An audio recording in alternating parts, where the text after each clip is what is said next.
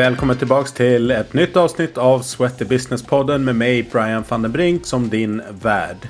Idag så ska vi träffa en entreprenör med en passion för löpning och en kille som har många spännande idéer. Nicolas Roman. Han är grundare av Challengize, en tjänst som moderniserat och gör företags friskvård och hälsoutmaningar på ett helt nytt sätt. Faktum är att Challengers redan från start var en digital plattform.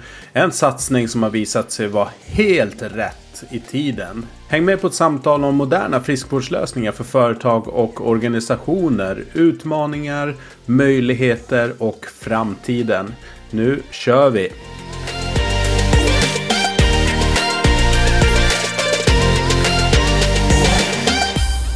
Ja men eh, då är vi tillbaks med Sweaty Business-podden och jag säger hej och välkommen till Nicolas Roman från Challengize. Tack så mycket.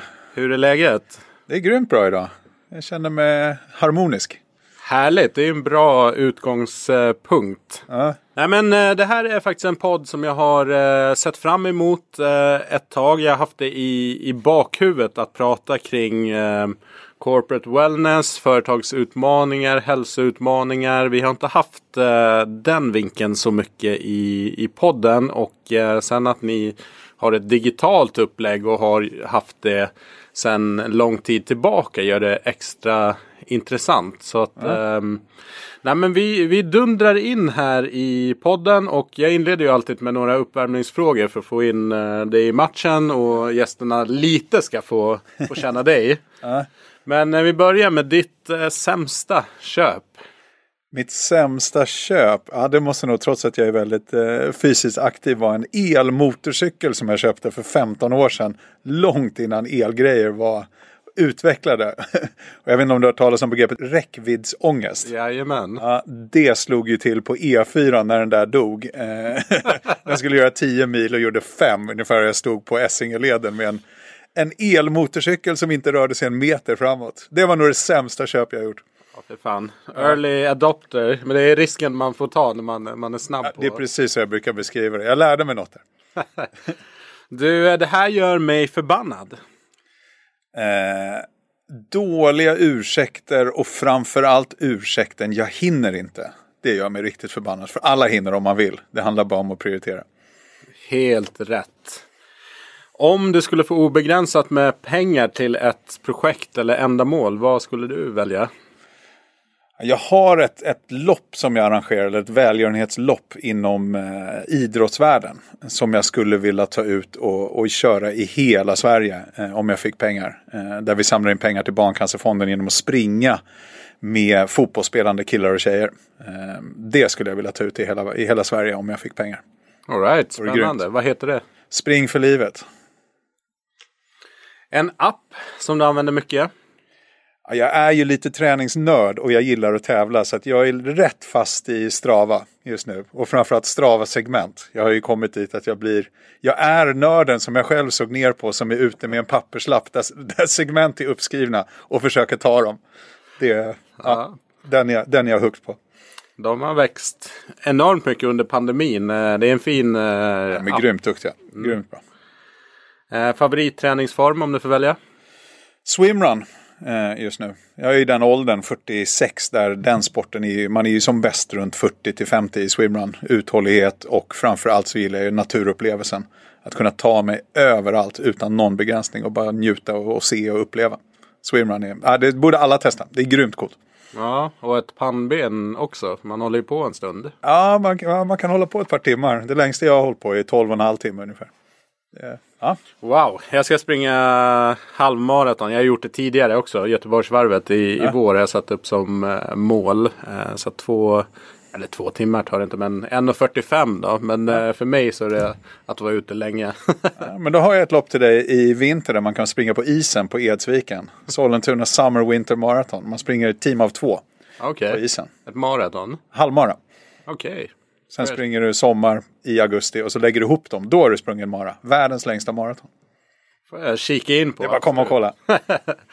du, här gick det åt helsike. Det är alltid intressant med entreprenörer i mittemot också. Ja, Alltså det här gick det åt helsike, det är det jag tänker på direkt. Jag var inne på lite sportvärlden när jag var eh, säsongade i Alperna en gång i Chamonix och hamnade lite som i Sällskapsresan visade det sig i efterhand. Vi kom jäkligt fel på en, en topptur och hamnade på ett vattenfall som vi fick liksom klättra ner för. Och sen när vi kom ner så insåg vi att, att vi var ungefär 25 meter från en pist som gick. Så hade vi bara gått åt andra hållet hade vi kommit ut utan problem. Men där var jag rejält eh, spak faktiskt. Det, det, var, det, var, det var lite läskigt. Ja, det förstår jag. Ditt bästa tips för återhämtning? Jag är helt fel person att prata återhämtning med. För jag är jättedålig på återhämtning själv. Men jag kör aktiv återhämtning. Så att om jag springer mycket under en vecka så kanske jag drar och simmar eller cyklar eller gör någon annan form. Bara för att inte aktivera samma muskler. Eh, men jag, aktiv vila brukar jag kalla det. Det är ungefär mm. det, det jag gör. Återhämtning är jag superdålig på. Ja, och jag hörde på en podd, det var någon företagsledare som hade pratat med sin eh, psykolog, tror jag att det var. Som sa att eh, din typ personlighetstyp så är kanske inte liksom en total vila, typ lägga sig på soffan. Det är inte vila för att då går liksom hjärnan igång. Så att just en aktiv återhämtning, klippa gräset eller göra någonting är liksom det som är återhämtningen. Att... Absolut. Det, för mig finns, det finns inget mer stressande än påtvingad vila. när man är skadad. Alltså det är, jag vill bara ut hela tiden. Ja. Um, det här behöver företag och organisationer tänka omkring när det kommer till friskvård och teamaktiviteter. Alltså det här är ju lite, lite kärnan av det vi håller på med med Challenger skulle jag säga. Att, att få företag att förstå att hälsa och det vi kallar ha kul eller teambuilding, alltså de, de frågorna är ingen quick fix och det är ingenting man kan liksom köpa in i tre månader och sen vara nöjd med. Utan man måste få det som en naturlig del av kulturen. Att på det här företaget så tar vi hand om hälsa, vi, vi vågar ha kul och vi gör det kanske redan från eh, annonsen, alltså när, när du söker personal. Att man redan där börjar prata om den här kulturen har vi. Mm. Det jobbar vi jättemycket och det tror jag man behöver tänka om. För historiskt sett tror jag friskvård och sånt har varit, ja men det är något som någon lite vid sidan om håller på med. Eh, och man redovisar lite kvitton och det är friskvårdsbidrag och sen gör man en aktivitet. Eh, vi tycker man ska tänka på ett helt annat sätt. Eh, och få in, få in de här parametrarna som employer branding och, och intern marknadsföring och extern marknadsföring i sitt friskvårdsarbete. Mm, att, ja, nu är vi inne och petar på min, min hemmaplan här direkt. Ja, nej, men det är bra. Du går igång och jag går igång. ja, jag går igång direkt. Men vi, jag tror vi kommer gräva djupare i de här frågorna lite längre fram i, i podden. Men jag kan också säga som jag jobbat som personlig tränare och eh, ett tag hade en verksamhet riktad mer mot företag med olika bootcamps och liknande. Mm. Just att det blir oftast projektinsatser mm. liksom. Mm. Och sen avslutas det och så, och så försvinner det ut liksom. Um, Den bästa vi brukar höra är att säga, men vi vill träffa er för nästa år, det är hälsans år. Så brukar vi fråga, ja, men vad är året efter då? Är det kebabens år? Alltså, ni ska vara ett hälsosamt företag. Mm. Eh, punkt. Alltid, Alltid ja. hälsa jag fick reda på Challenge House av en gemensam bekant. Johan Nilsson på Barry's Bootcamp. Som eh, också har varit med i podden. Så ni får scrolla tillbaks eh, en stund om ni vill lyssna på det avsnittet som jag kan rekommendera. Men han, han sa att du borde träffa Nicholas på mm. Challenge House och, och snacka om det han håller på. Men eh, för den som inte har koll då, vad ni, vad ni gör. Hur, hur skulle du beskriva? Alltså jag skulle beskriva oss som en, en, en partner för företag som rör all form av proaktiv hälsa. Eh, I första hand digitalt som vi varit inne på. Alltså vi jobbar helst digitalt men vi har självklart också en fysisk leverans eh, vid behov. Eh, så att allt om man delar upp en, en, spelplan på två halvor där den reaktiva spelplanen kan handla om rehab och, och den biten. Det rör vi inte. Men allt som har med proaktivitet, ha kul, motion, rörelse och den biten. Det är det vi gör. Sen har vi en, en, plattform och en app och det är de två som vi når ut till eh, alla våra liksom, användare och deltagare genom. Och eh, bakgrunden till hela konceptet, en klassisk eh, missuppfattning när, när folk ser ja, men företag och tjänster som, som blir poppis. Åh, vilken smart idé. Man tror att det kom, någon kom på det igår. Men eh, när jag kollar ditt track record så har du ju en, en längre bakgrund. Men om du, om du vill dela med dig till lyssnarna lite grann hur, hur du har tänkt. Alltså det hela började väl när jag satt på, eh, på Stadium faktiskt och jobbade med B2B som jag gör idag också. Och den årliga, nu är vi tillbaka till det här, den årliga friskvårdsaktiviteten lanserades och, och, då sitter man i ett företag och framförallt med två kollegor där den ena tog eh, OS-silver i Turin och den andra kanske inte alls var speciellt aktiv och man såg vad som hände när den här aktiviteten kom. Att vi som gillar att röra på oss och tävla och träna, eh, vi älskade det, vi tyckte det var skitkul. Men de som borde vara med, som faktiskt ja, skulle vinna mest på det, eh, de var inte ens med. Eh, och då kände jag att så, men det, här, det här måste ju gå att göra på något annat sätt. Eh, och då var jag väldigt early adopter i Endomondo. Var en av de första mm. i Sverige tror jag med Endomondo. Och började se tekniken som började komma med GPS-spårning och, och social och liksom allt det här man kunde göra i appar och sånt. Så att fan, det här måste ju gå att kombinera. Eh, för det som fanns då, det var ju rent krasst stegtävlingar. Vem kan gå längst?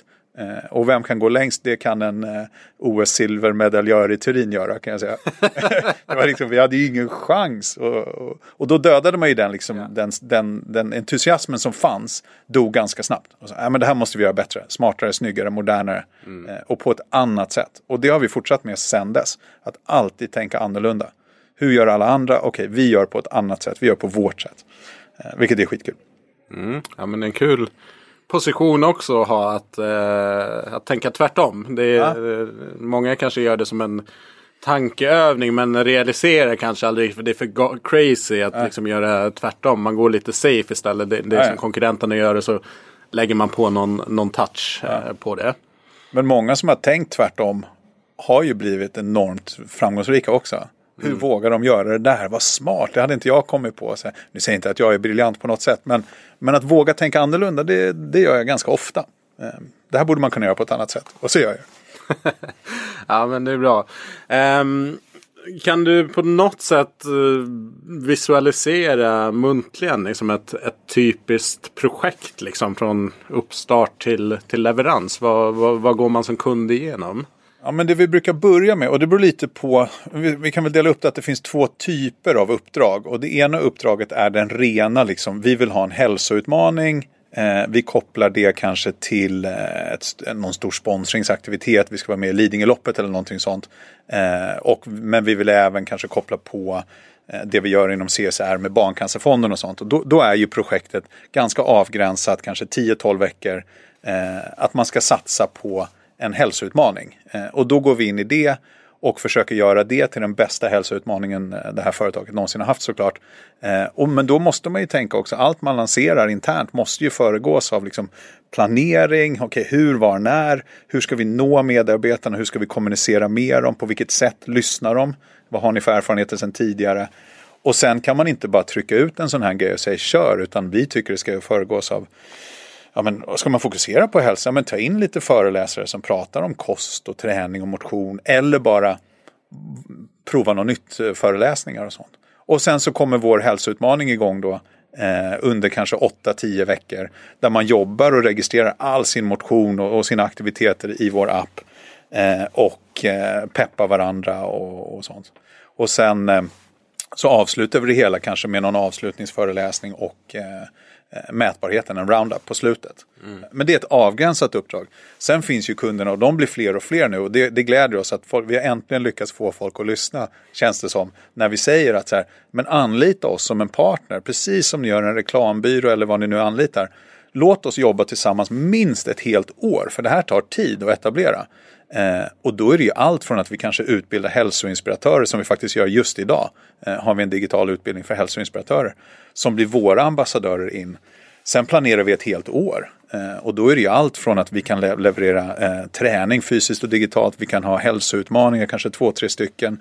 Vi har föreläsningar, vi har utbildningar.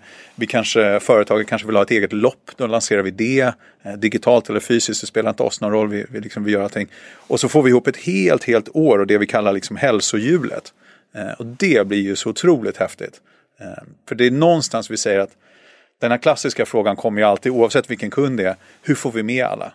Mm. Och den är ju den där, jag menar hur får man med alla? Vi säger rent krasst, vi säger helt ärligt, ni kommer aldrig få med alla. Nej. De som säger att alla är med, de ljuger. För alla är inte alltid med, för det finns så många olika människor där ute som tycker olika. Men vårt mål är att nå alla medarbetare minst en gång med någon aktivitet som vi gör. Och det kan vara kostföreläsningen eller det kan vara Tanitavågsmätningen som man erbjuder. Eller så är det hälsoutmaningen eller så är det träningen eller loppet eller vad det nu är. Och vissa når man med allt. Eh, men målet måste ju vara att nå alla, beröra alla minst en gång med en insats. Mm. Och då måste du ju anpassa insatserna utifrån ja, målgrupperna.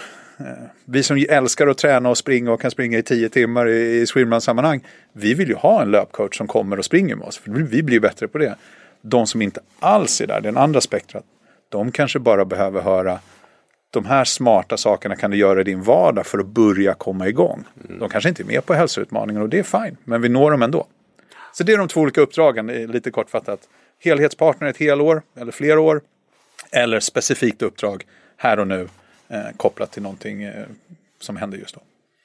Ja, nej, super, eh, superspännande. Jag tycker extra just den här med hur man får med alla. Liksom, dels att, eh, att ha olika typer av insatser så att man har en, en palett. Mm. Så man kan nå, nå alla på, på något sätt. Men också att inse Ja, alltså det i vilket sammanhang har man med alla på alla beslut och alla aktiviteter. Jag har varit på konferenser med, med företag som jag har varit anställda på. Man vet att det sitter några personer där som zonat ut. De är med fysiskt men de är inte med på resan för de, de är på väg någon, någon annanstans. Så att det, bara för att man är rent fysiskt är där så betyder det inte att man, man är med hela det vägen. Som, det som blir ganska coolt också om man om man, om man anlitar en partner som plockar in alla de här bitarna istället för att liksom cherrypicka själv och liksom, nu tar vi den partnern, den, den partnern.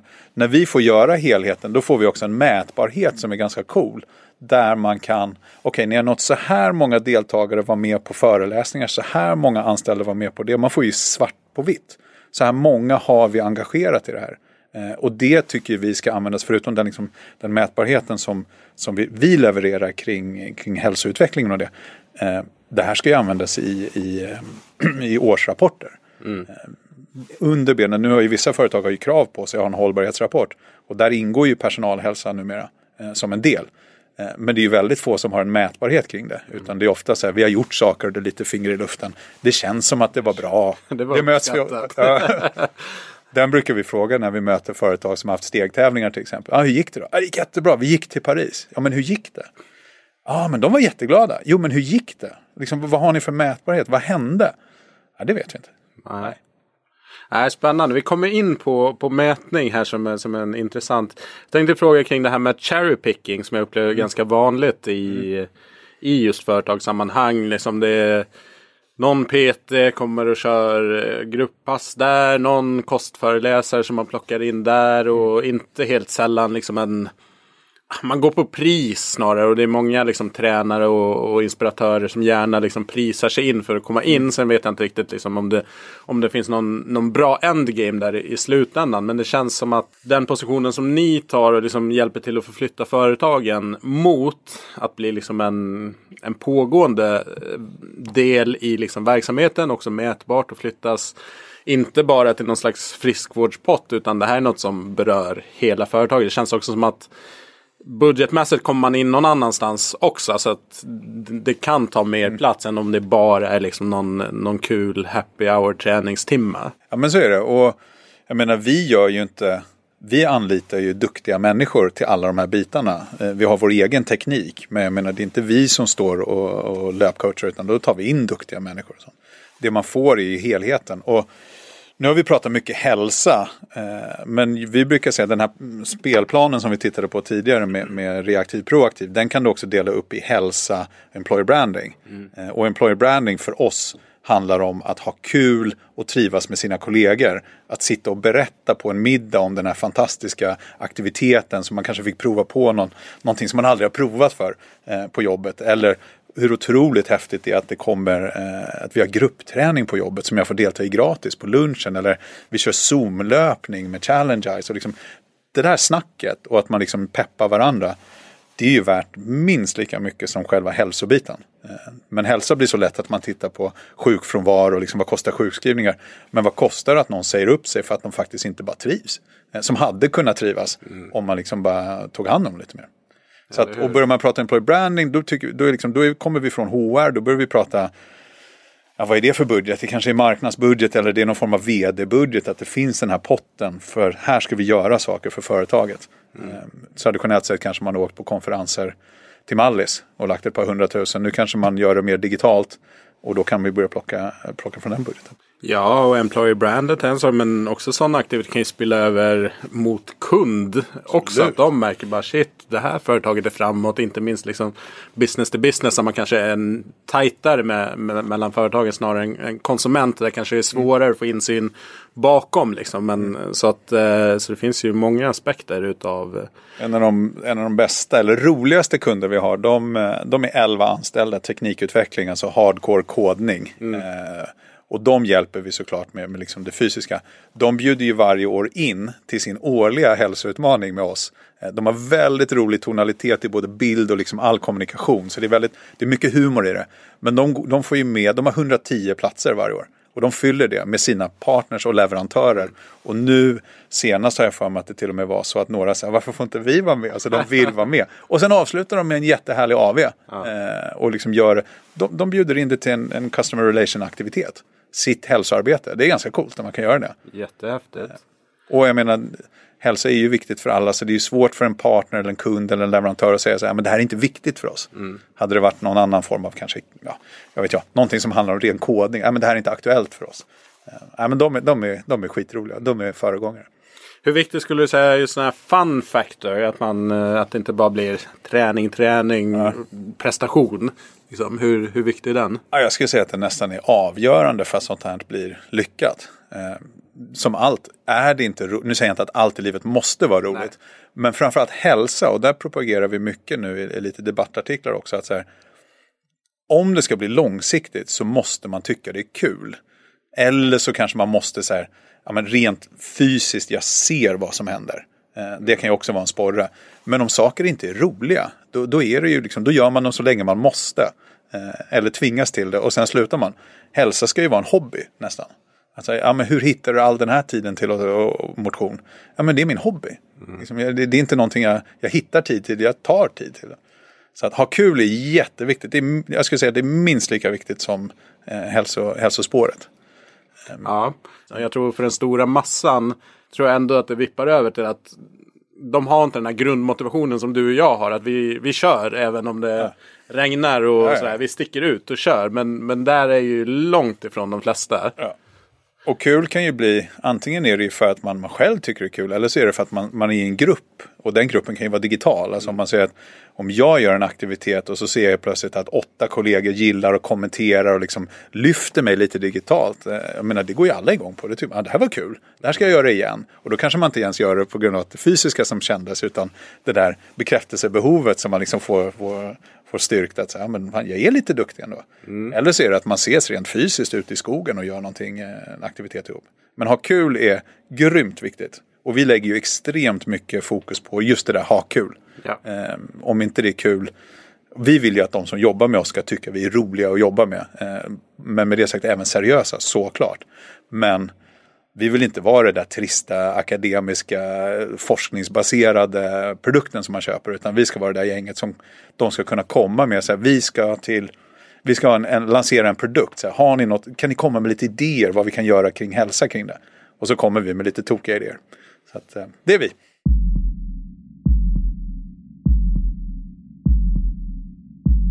Du, det här med community. Eh, en eh, fördom tror jag mer före pandemin har ju varit kring att ah, du kan inte ersätta det fysiska och få den här sammanhållningen. Mm. Vad säger du kring gruppdynamik och, och få det att spinna i ett digitalt forum?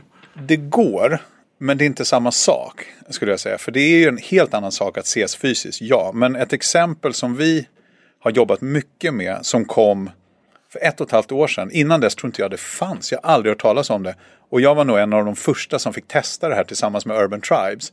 Eh, live-löpning, alltså Zoom-löpning. Ett löppass där du springer med lurar i öronen. Du har en coach och coachen ger dig ett pass och du kanske är 23-24 pers över hela världen eller i Sverige som är med i samma pass, som aldrig träffas. Men vi ses online. Man, man tar upp sin video liksom inför mötet, eller inför passet och efter. Det har ju blivit extremt poppis. Eh, och där kan man verkligen känna så här, man, man tar ut sig själv mycket mer. för att man är i en grupp. Men ingen har ju egentligen koll på vad jag springer. Jag skulle kunna gå någonstans. Men man gör inte det, för gruppen peppar. Ja. Eh, och sen är man en smart coach, så kan man börja använda så här, gruppa gruppen eh, och titta liksom, så här, men nu ska den här gruppen springa, nu måste alla jaga ikapp dem. Men grymt häftigt med, med den typen av digital lösning. Mm. Hade det varit fysiskt, hade det varit tio personer, alla duktiga löpare som hade försökt knäcka varandra. Men i det här kan alla vara med. Du kan gå, du kan springa, du kan jogga. Det är ganska coolt när det kommer. Ja, ja men verkligen. Det finns ganska många också som man vill vara del av något. Man kanske inte så trivs i grupp heller. Men mm. man är gärna del av, av någonting annat också. Mm. En grupp fast på distans. Absolut. Och jag menar det. Återigen, det är ju det här med det sociala. Gilla, kommentera, peppa varandra.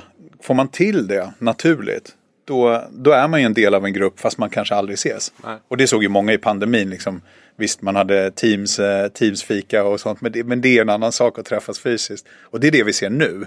nu. Just nu skulle jag säga under hösten så är det väldigt mycket det fysiska mötet som går i första hand. Eh, det är kickoffer och det är man träffas och det är äntligen tillbaks. Och, eh, men, men det digitala är här för att stanna, helt klart. Mm. Vad skulle du säga då är era viktigaste framgångsfaktorer som gjort att ni har lyckats slå er in på marknaden och ja, förändra den också? Ja, alltså, till att börja med skulle jag säga rent tekniskt så är det ju vår lösning på den här ständiga frågan som alla eh, företag kommer med. Så här, hur får vi med, och nu använder jag ord som våra kunder använder. Vi gillar egentligen inte ordet soffpotatisar men det ordet använder de själva väldigt mycket. Hur får vi med soffpotatisen? Eh, och då tittade vi när, tillbaka till det här när, när jag körde den här stegtävlingen med mina, mina OS-kollegor. Eh, Ska man nå den gruppen som kanske inte är den här aktiva gruppen då måste man ge förutsättningarna för dem att prestera och känna sig duktiga.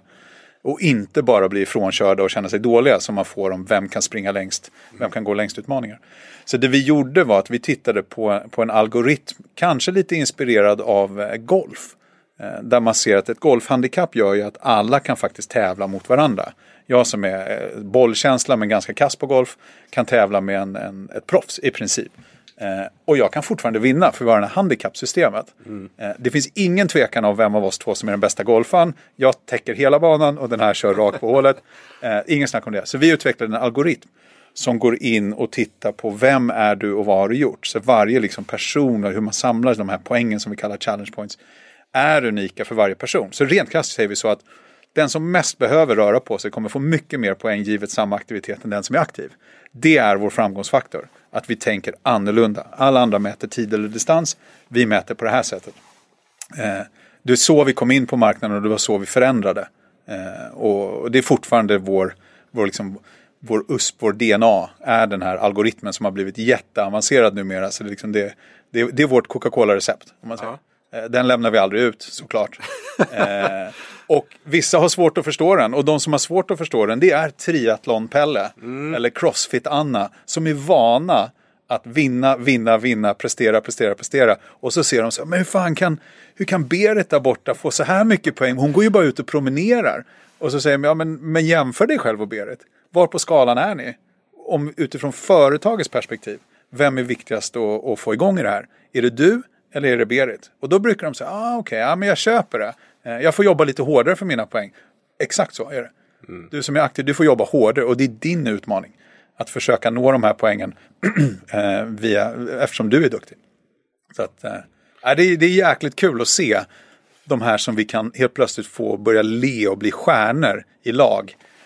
Som aldrig ens hade varit med om det hade varit så här Ja, för då vet man, att äh, de vinner ändå. Ja, nej men du förlorar ju på en gång. Att, ja. nej men jag kommer aldrig nej, springa snabbast, gå längst liksom. Det finns så inte. lite, vi försöker skapa förutsättningar för att alla ska kunna vara med. Eh, sen finns det ju alltid en grupp som, som inte vill vara med. Eh, och de sitter lite som du gör nu med armarna i kors och säger nej, jag vill inte vara med. Inte vara med. Eh, men de vinner man över sakta. Man vinner dem kanske inte första utmaningen utan andra eller tredje när de ser och hör att ja men fan kan de vara med, då kan jag vara med. Mm. Och det är därför vi tycker det är så viktigt att vara långsiktig i det här jobbet. För att du kan inte byta aktiviteter. Nu har vi en hälsoutmaning med Challengers och nu har vi en med dem och nu har vi en med dem. För då förändrar man förutsättningarna hela tiden. Mm. Långsiktigheten är jätteviktig. Här. Eh, I, I den här resan med, med Challengers, är det någon, någonting specifikt, speciellt som har varit särskilt utmanande att knäcka då, som, ni, som ni har överkommit eller som var kanske överraskande? Alltså det, det som är den största utmaningen, om vi, om vi bortser från liksom produkt och, liksom, och kanske till och med användare, det, det är gatekeepern. Alltså vem sitter med frågan på företag? Eh, innan pandemin, 100% HR. Eh, och HR, eh, vi älskar HR, eh, men det är, profilen är lite mer konsensusmänniska, eh, gruppdynamik, alltså man ska jobba som grupp och det är konsensus och man kanske inte ens har en budget, man måste äska pengar. Det kanske har varit den största utmaningen, att man får ett uppdrag från ledningen, men man får inte budget och mandat, utan man ska reka och komma med rekommendationer. Eh, och sen måste alla vara överens och det vet vi själv i en grupp, alla är inte alltid och då blir det istället att man gör ingenting. Mm. Eh, för man får inte ihop det här och sen ska du upp på ett ledningsmöte, det är inte prioriterat, det bumpas ner. Nej, vi fick inte upp det den här gången, nästa ledningsmöte är om tre månader. Eh, och så blir det liksom ingenting händer. Men sen, eh, sen hände något och under den här pandemin då förändrades ju det här totalt. Eh, strukturerna som vi var vana vid eh, slogs undan och nu satt ju liksom chefer med team, logistikchefer, försäljningschefer, vd med anställda utspridda hemma över hela landet, över hela världen och bara skrek efter vi måste göra någonting för personalen mår dåligt. Vi måste göra någonting som är hälsosamt och kul. Och de bara köpte. Och det var fantastiskt skönt för oss att se att säga, okej, okay, när det kommer upp på den nivån, då är det inte en budgetfråga och det är inte en sån här, men vänta, jag tycker det här ska ske på det här sättet och jag tycker den här funktionen borde finnas. Utan då är det mer så här, men vi litar på er, ni verkar vara duktiga, ni jobbar med de här företagen, vi kör. Eh, och det är jättekul. Eh, och många av de företagen, nu är inte pandemin på något sätt över, men, men det var inte en dagslända hos många, utan vi, nu är vi där. Nu, nu är vi inne som deras partner och vi har fått bevisa vad vi går för. Eh, men annars så är det liksom utmaningen för oss i branschen och det gäller alla tror jag som jobbar med hälsa. Det är ju eh, kanske HR, eh, strategisk inköp. Eh, det blir en kostnadsfråga och inte en investeringsfråga. Men vi är 100% avdragsgilla. Eh, vi är inte ens en kostnad då tycker jag utan vi är en investering. Mm. Eh, men ändå kan det bli en prisfråga. så att Ja. ja, nej men absolut. Så det, det är ju det är komplext. Det är långa försäljningsprocesser också. Shit, vi sitter ibland i ett och ett halvt år och sen hör någon av sig efter ett och ett halvt år och bara ja, nu är vi redo. vi hade glömt bort dem för länge sedan nästan. jag kan verkligen tänka mig, och mitt i processen slutar någon som man har haft dialoger ja, ja, ja, med. Så kommer in någon ny som ska sätta sig in i allting. HR, de, de måste byta jobb vartannat ja. år känns det som. de studsar runt rätt mycket. Men vilket också är kul för då tar de med oss nästa företag. Det här, de här är bra, de här ska vi jobba med. Det är jättekul. Nej, men jag tänker en, en stor fördel med pandemin ur ditt perspektiv och säkert många andra som har, som har fått in en fot där man inte har fått det tidigare kanske på samma sätt. Att man bygger vanor hos de här företagen. De inser värdet utav det på ett annat sätt. Så att det är också så här. Man märker att det funkar. Varför skulle man då helt plötsligt ta bort det? Sen mm. bara för att man återvänder till någon slags hybridkontors lösning. Mm. Och den är ju väldigt spännande. Just det där hybridkontoret, det är ju mm. sånt trendigt ord. Eh, men den är ju väldigt spännande. Vi, vi siar lite så här, vad, vad händer nu liksom? Folk jobbar hemma, de är inne på kontoret en dag. Då träffas de, men det här digitala är ju verkligen här för att stanna. Eh, det tror jag. Men, men vi har ju sånt uppdämt behov av att träffas.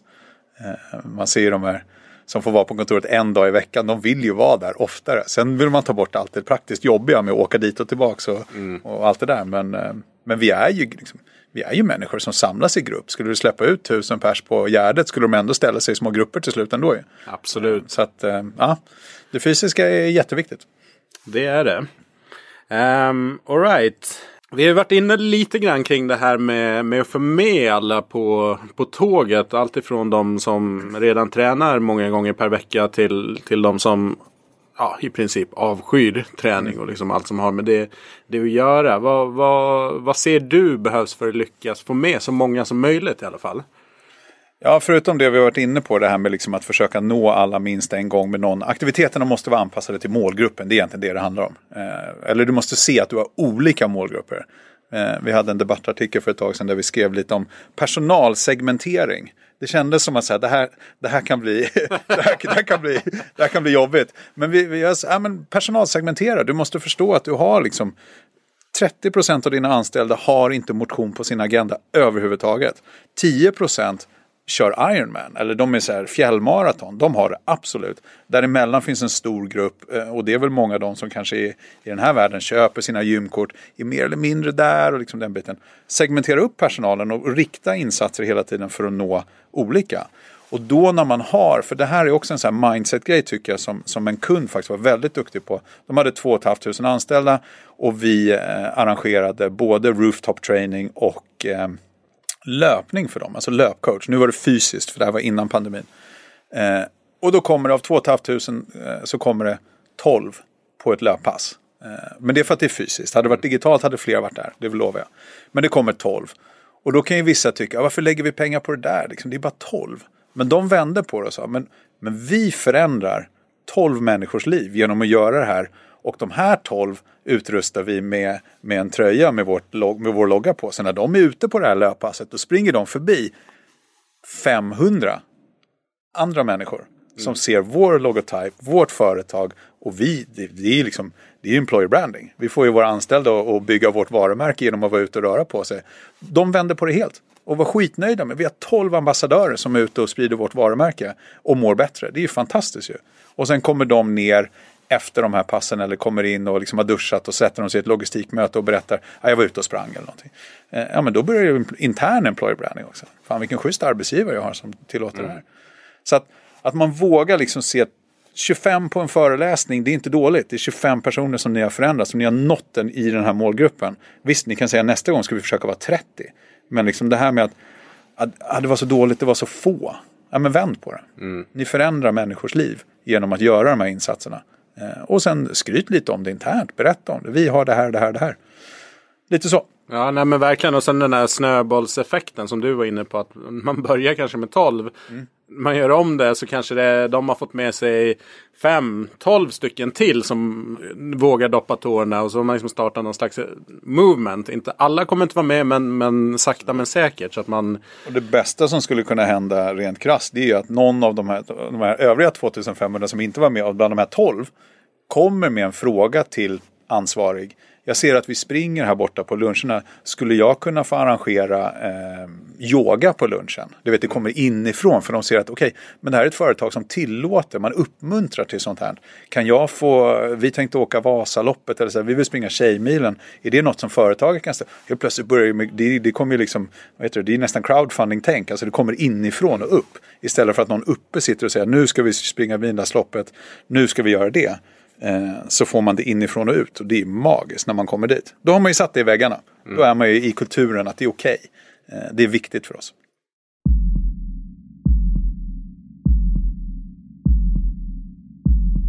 Ni har ju gjort, eh, eller gör aktiviteter som spänner över flera länder och sådär. Har ni märkt någon skillnad sådär kulturellt? Vad som funkar, vad som inte funkar eller vilken approach man måste ha för att Mm. Ja, men det skiljer. Vi, som, som du säger, vi har, funnit, vi har haft deltagare i 25 länder över hela världen. Och vi har ett antal kunder som liksom inte är svenska också, som är baserade i UK framförallt, har vi ett antal kunder. Eh, det finns några grejer man ser direkt. När vi, vi, mäter ju allting, så vi har ju koll på liksom topp 10 aktiviteter, topp 15 bland killar, tjejer och allting sånt. Det kan man ju direkt se när vi jobbade med en kund som hade väldigt stor indisk eh, del. Eh, cricket. Topp tre. Right. Skithäftigt att se. Vi har aldrig haft cricket på, på topp 100 förut. Eh, den låg topp tre, den aktiviteten. Eh, sen när man kommer utomlands till kanske UK eller kanske mer ner Tyskland, Finland, eh, ner till, till ja, men de länderna i princip. Då är det väldigt mycket att man, vi ska vara med. Och då är man med. Mm. Eh, det är inte så mycket så här, en fråga utan det är mer så här, vi anmäler alla anställda. Eh, och sen om de aktiveras eller inte, det är inte lika viktigt. Utan man liksom, det är så. Mm. Eh, och, och det, ju, det, kan ju funka om man har den kulturen. Eh, sen kommer man ner söderut, det är väldigt mycket så här, tyckande och kännande. Eh, och man kan ju se väldigt roliga aktiviteter också. Det är mycket cykling när vi kommer ner. Jag skulle säga Belgien, Frankrike, Spanien. Mycket cykling, mycket cykling. Mm. Eh, och sen dyker det upp jätteroliga annorlunda aktiviteter. Eh, och vi lägger ju gärna till om en kund har så här, men vi, vi spelar väldigt mycket det här. Eh, då lägger vi till det i vårt system och då kan vi också mäta ut det. Ja, men så här mycket har ni gjort det. Eh, tid och distans och allting sånt. Så. Ja, men det, det är skillnader, absolut. Mm. Ja, men spännande. Men i, i er eh, mjukvara, lägg, lägg, loggar man liksom manuellt att jag har gjort den här aktiviteten? Skriver man in så här många minuter? Eh, och eh, ja, som du själv nämner Strava och andra liksom, tredjepartsappar. Går det, mm, finns det några integrationer där? Så att... Absolut. Och, och återigen den här spektrat på människor som vi pratade om tidigare där liksom är 30% mindre aktiva och 10% jätteaktiva. Du kan nog dra samma spektra över teknikkunnande. Eh, och ska vi skapa förutsättningar för att alla ska kunna vara med, sen måste man ju inte vara med om man inte vill såklart. Eh, då måste vi ha samma tänk när det gäller teknik, för alla är ju inte så tekniskt intresserade och, och duktiga. Så att vi har gjort så att du kan göra i princip det mesta. Du kan koppla Strava eller Runkeeper direkt till Challengers via ett API. Mm. Eh, då kan du jobba med din, med din klocka i princip och bara start-stopp. Så förs det över sömlöst i molnet via API. Eh, sen har vi även i vår app att man kan registrera, absolut man kan registrera det man gör manuellt. Igår simmade jag, idag gick jag en promenad. Men vi kan också, vi har utvecklat vår egen GPS-tracker så att du slår ju egentligen bara upp aktivitet, start och sen när du är färdig trycker du stopp och då får du även, då får all data liksom levererad. Eh, och sen kan du logga in från bibliotekets stationära dator på Challengize och också registrera. Så att där har man spektrat att, att ingen ska egentligen kunna säga jag kan inte vara med. Eh, det, det, det är viktigt för oss att säga. För annars börjar det säga att du måste ha en, en Apple Watch eller du måste ha den här. Ja men då har du ju jättemånga som direkt kommer säga så nej jag kan inte vara med. Mm. Eh, och då blir det plötsligt väldigt dyrt också. Det här ska inte behöva vara så dyrt. Som att du köper aktivitetsband för 65 euro till alla eh, som ska mätas om de bara lägger i en byrålåda sen. Eller den traditionella stegräknaren. Hur många stegräknare ligger inte i, i byrålådor i hela landet? Annan. Det är väl den största produkten några år där som folk sålde var ju stegräknaren. Ja. Eh, ingen vill egentligen ha den på sig. Men eh, det såldes många och de ligger i många lådor. Så att vi försöker få med allting. Sen kan man inte integrera allting. Det finns appar, det finns hundratals appar. Eh, men vi har valt att ta de stora globala, Runkeeper och Strava, som vi tycker är de bästa också. Mm. Ja, och sen tycker jag superintressant och säkert stort ämne. Men liksom, om du kan koka ner det. Liksom, mätning och mm. utvärdering. Mm. För att det är, eh, generellt sett i träningsbranschen så vi, vi är väldigt bra om man tar liksom tradition, gymkedjor, gym, PTs, att göra aktiviteter. Men så, så här, hur mäter vi mm. framgång? Hur mäter vi vad som hänt? Liksom, kan Sats, Actic, kan de säga. Våra medlemmar har under det här året liksom. Nej, det finns ingen sån, sån data till exempel. Det skulle vara jättespännande med gymkedjor. Ja, men äh. En medlem i genomsnitt som är medlem ett år. Går ner så många kilo. Gör, alltså får den här förändringen. Och sen också andra aspekter. Mentala och liksom mjuka aspekter mm. också. Som man också skulle kunna mäta eh, om man systematiserar det. Hur eh, tänker ni kring det? Alltså vi, har, vi har tänkt nästan från början att det här med, med just den här, den här hur går det? Hur gick det? Det är så sjukt viktigt för att ska pengarna tas någonstans ifrån så tas de ifrån en budget och du mäter ju allt annat du gör på företaget. Leveranser, eh, eh, hastigheter, eh, kundnöjdhet. Sånt mäter man. Man mäter ju nästan aldrig så här friskvårdsaktiviteter. Hur gick det? Hur många var med? Ja, man kanske kan veta att vi var 23 anmälda till midnattsloppet, fem sprang. I princip. typ så. Så, att, så att det vi har byggt in, förutom att vi mäter, vi mäter ju allt, alltså vi har ju varenda aktivitet och liksom all data runt det. Så vi verkligen kan titta på så här, vad gör på ert företag? Vad gör, eh, vad gör killarna? Vad har de för topp 10 aktiviteter? Vad gör tjejerna? Och det kan vara intressant information till, till eh, att man behöver bygga ett cykelrum. För mm. det, man cyklar ju på det här företaget. Varför har ni ett yogarum? Ni cyklar ju. Eh, men det är liksom den aktivitetsbaserade datan. Sen mäter vi, när man, när man skapar sin den här nyckeln som jag nämnde tidigare, den här algoritmen, då berättar man ju lite information om vem man är och man svarar även på fem ganska, ganska breda basic hälsofrågor och man gör det hela tiden utifrån sitt eget perspektiv. Så om man säger så här från skala 1 till 10, hur aktiv upplever jag att jag är? Eller från skala 1 till 10, hur stressad känner jag mig? Just här och nu när jag svarar på frågan. Och det har ingen relevans hur du känner, utan det är bara hur jag känner hela tiden. Mm. Och då gör vi de här mätningarna under, eh, under de här perioderna när vi är, vi är aktiva med kunderna vid flera tillfällen. Och det kommer upp i appen som en sån här eh, snabbfråga. Bara klick, klick, klick. Man svarar top of mind, så här känner jag mig just nu. Eh, det innebär att när vi är färdiga, när vi har kört en sån här hälsoutmaning på kanske åtta veckor eller någonting och vi har haft de här föreläsningarna och det har varit allt möjligt som har hänt under resans gång.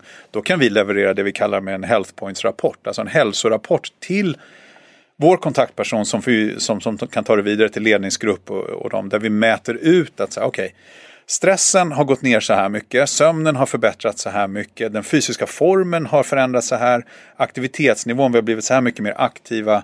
Eh, och den här universala, fantastiska frågan, om man bara ska ställa en fråga, då ska man fråga hur mår du?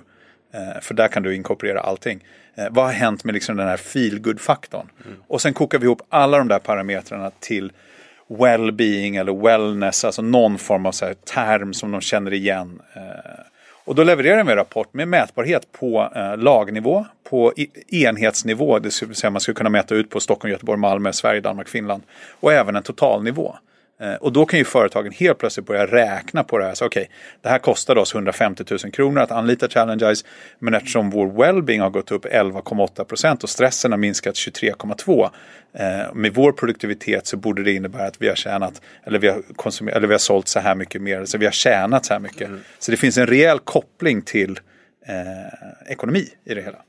Eh, och de här rapporterna är ju fantastiskt roliga att titta på. De är inte alltid positiva heller. Vi, vi vågar absolut leverera negativa rapporter. Eh, och någon kund vet jag som hade en riktigt, riktigt dålig rapport och vi kände shit, det här kan bli, de kommer ju aldrig anlita oss igen. Eh, de var överlyckliga för de sa vi har det så tufft just nu, undrar hur det hade sett ut om vi inte hade gjort någonting. Och de är fortfarande kunder. Mm.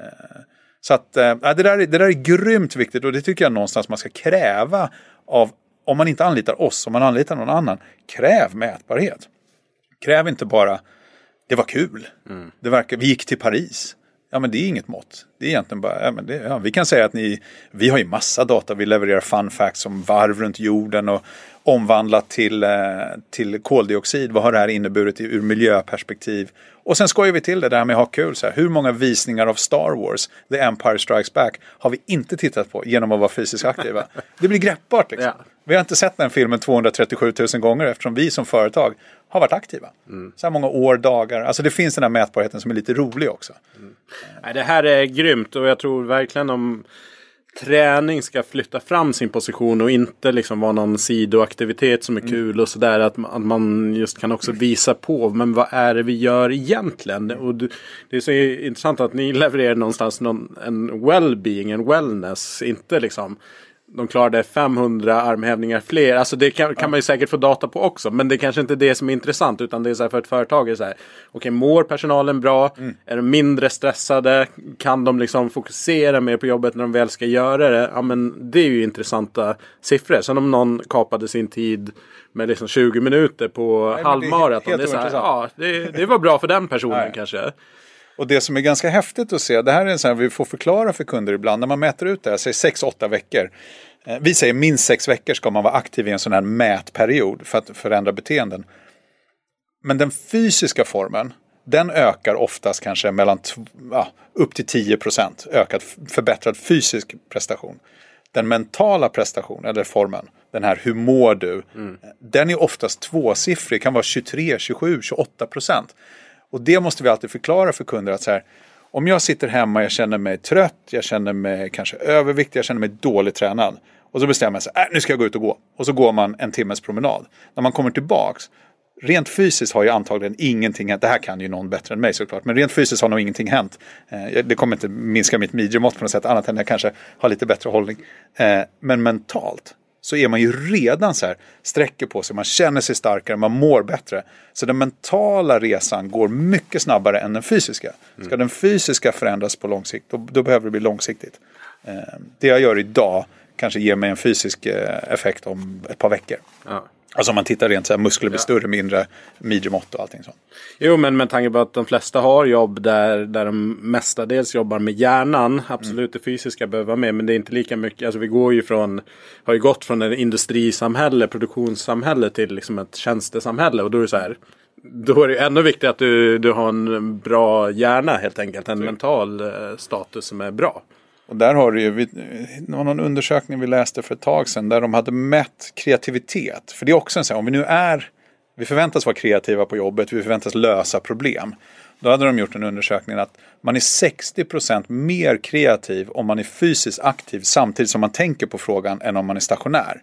Eh, jag brukar ju själv ha, jag brukar skoja lite, jag kan springa ganska långt. Jag har sprungit i 18 timmar en gång. Men, men jag brukar ta med mig, och det säger jag inte för att skryta, men jag tar med mig ett problem ut löpandes.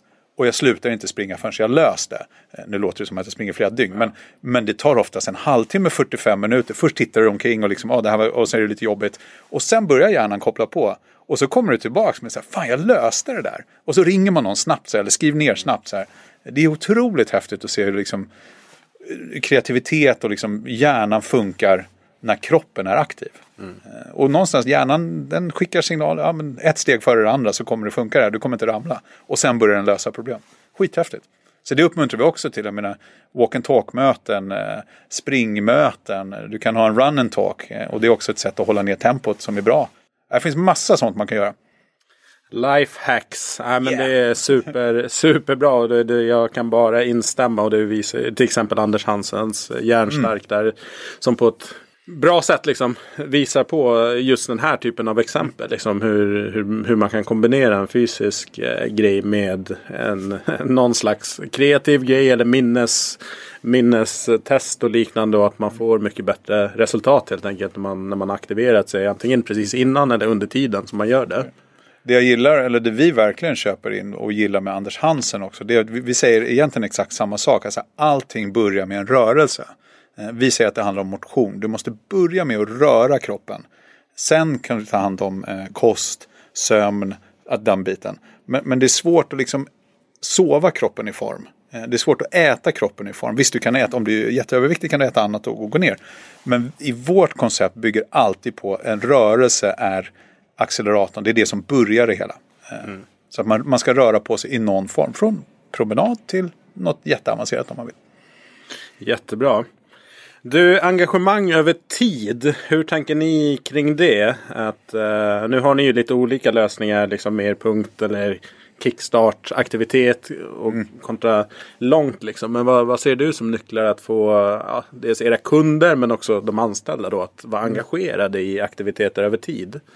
Alltså, vi går igång på nyheter, så är det eh, Vi sitter ju inte stilla och liksom är nöjda med vår produkt någonsin. Eh, vi försöker hela tiden komma på nya saker. Och jag menar, går du på, går du på Pressbyrån så är det liksom nyheter, nyheter, nyheter. Men vi köper ju oftast ost och skinkfrallan ändå. Det är ju storsäljaren. Eh, men vi vill hela tiden, när vi får kunder och liksom verkligen lita på oss. Eh, vi har ett par kunder nu där vi i princip har fått en budget. Eh, x antal hundratusen. Och för de pengarna så förväntar de sig ett hälsoår. Och då får vi fylla det året med det vi tycker passar dem i, självklart i samspråk med, med vår uppdragsgivare.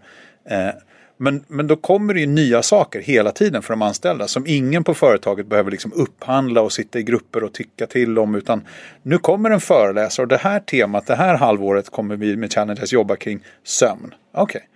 Då har vi en hälsoutmaning där vi kan mäta sömn. Vi har en föreläsning som kan prata sömn. Och vi har andra saker som handlar om sömn. Så man tematiserar lite. Mm. Eh, och då kommer nästa tema kanske handla om eh, då kanske de ska springa ett lopp eller någonting. Ja men då kanske vi har liksom kom i form till loppet-tema. Och då är det en helt annan. Så det kommer nytt hela tiden. Yeah. Eh, och sen hela tiden ja, men, känna, ha tentakler ute. Vad, vad, är det som händer nu? Där zoomlöpning kom. Var supertidiga med det. Eh, började prata för kunder om zoomlöpning. Ingen visste vad fan, hur funkar det? Det kan ju inte funka. Jo men prova så här. Häng på oss på torsdag och testa. Och sen var de ju sålda. Så här, det här måste vi testa. Eh, så att liksom känna av vad som kommer, vad som är nytt. Vilka, vilka former av motion är, är på gång. Eh, vi har ju sett jättetydliga trender i, eh, under pandemin som är superintressanta att se. Förutom det självklara som du och jag kan peka på som är, är paddel. Det är en jättetrend såklart. Eh, vi kan ju se att en aktivitet som till exempel hundpromenad har gått från plats 50 kanske till plats 3. Mm. Det har skaffats väldigt mycket hundar. Och då har ju vi anpassat vår produkt så att vi har ju en miniutmaning som handlar om springa eller gå med din hund en liten minitävling för alla med hundar där ute. De kan, de kan tävla lite i det. Eh, så att hitta de här trenderna och liksom komma med lite nytt. Eh. Mm. Ja men eh, jättebra. Och jag skulle nog säga som ett tips till, till andra där ute som jobbar mot företag att, att lyssna in på det här. Och för mig så låter det också som ett sätt att mot motverkar här cherry picking. Att man vill ha lite mm. nyhetens... Ja ah, men den gör en spännande grej mm. där och den gör det. Utan man kan man jobbar långsiktigt med kunden och liksom tematisera så att det, det händer nya. Och som, som ni gör, ni tar in expertis på de olika. Så att ni kan ta in den där superspännande yoga grejen. Men, mm. men under en, en strategi kan man säga. En, en plan. Så är det, absolut. Och för jag menar hur ska man, hur ska man hur ska man veta vad en kund behöver om man inte får lära känna kunden? Det går ju inte. Jag menar, skulle du cherrypicka reklambyrå för varje enskild kampanj skulle du ju spreta åt alla möjliga håll. Och kunden i det fallet skulle ju inte riktigt förstå vad, är, vad står det här företaget för? Om vi säger att kunden i vårt fall är den anställde som, som slutkund. De måste ju se den här tydligheten, långsiktigheten, förstå, okej, okay, det här är ingen dagslända, nu är ledningen med. Eh, vi, vi, vi tvingar ju alltid ledningsgruppen att vara med. Eh, de måste stå där ja. på föreläsningen. De måste vara med på digitala hälsoutmaningar. Ah, men vi hinner inte. Jo, men ni måste vara med. För om inte ni är med, varför ska era anställda vara med? Nej. Eh, så att, ja, men det blir lite så. Att försöka, försöka få tydlighet. Och det tar tid. Mm. Du, men vad är målet då? Vad, vad vill ni göra med Challenge Eyes? Alltså vårt mål, om vi säger grundmålet är att få så många möjliga, alltså vår mission är att få folk att röra på sig och ha kul tillsammans. Och det är en fin mission och den, den jobbar vi allt vi gör så jobbar vi med det. Man ska alltid liksom få folk att röra på sig och ha kul tillsammans. Eh, min, mitt mål med liksom bolaget om vi säger att liksom, vi har startat det här för sex år sedan och vi har jobbat länge nu. Vi, vi är duktiga. Eh, det är att nu, ska vi, nu är vi på en tillväxtresa de eh, senaste två åren och den ska hela tiden eh, öka nu. Vi har ju investerare som tror på oss, vi har personal som tror på oss och nu ska vi verkligen få det här att växa. Och jag menar, vi har vi dubbla omsättning nu. Kan vi göra det en gång, ja då kan vi göra det två gånger, tre gånger och då är vi uppe på en 50, 60, 100 miljoner snart. Mm. Och då kanske jag har ett personligt mål att, att sälja bolaget någon gång, göra en liten exit och, och få börja titta på nästa utmaning eh, och vad är nästa grej. Eh, jag kommer aldrig vara en sån som, som kan sitta stilla. Så hur mycket pengar jag än har så kommer jag hitta på grejer. Mm. Men målet är ju hela tiden att få, få folk att skratta, le, ha kul i, i motion, eller i hälsans tecken. Under vår flagg. Eh, så många som möjligt. Vi kan ta alla företag, det förstår vi. Men, men vi vill ha dem roliga. De som vill jobba med oss, de får jättegärna höra av sig. Spännande. Det ska bli mm, ja, kul att följa med på resan här från, från sidan av. Inspiration, nya idéer. Vad, vad får du det ifrån? Alltså jag, jag gillar att liksom testa lite nytt eh, onekligen. Eh, jag har min trygghets... Eh, förut var jag fotbollsspelare, nu är jag, jag... Jag kallar mig inte själv löpare men, men de säger att jag är löpare till det. Och swimrun och sånt. Men att, att, testa nytt. Att jag kanske anmäler mig, jag arrangerar en del lopp men när min loppsäsong är över så anmäler jag mig till andra lopp för att få lite inspiration och liksom bara se hur gör de och vi tittar på liksom, vad händer i andra länder när jag är nere i Spanien och hälsar på lite släkt. Så, ja, men hur jobbar ni på era för mm. Lyssna lite, örat mot marken. Yeah. För det är ju egentligen inte raketforskning vi håller på med. Eh, det är att få folk att röra på sig och ha kul tillsammans. Och hur gör man det i ditt land? Vad finns det för verktyg idag? Vad funkar bra, vad funkar dåligt? Yes. Eh, men också mycket vara ute och bara testa nytt. Testa nya grejer. Nya sporter, nya, nya utmaningar, nya platser. Härligt! Nej, men, uh, se sig om, göra saker, prata med människor. Det är, mm. det är jättebra sätt att... Lyssna på få. kunder också. Ja. Det får man inte glömma. Att, så här, det är så lätt. Jag brukar säga det. Vi, vi kan ta in 10 miljoner och vi kan koda oss i konkurs. Det är inga problem med saker som vi tycker är viktiga. Men om vi inte lyssnar på kunderna, vad, vad är viktigt för dem?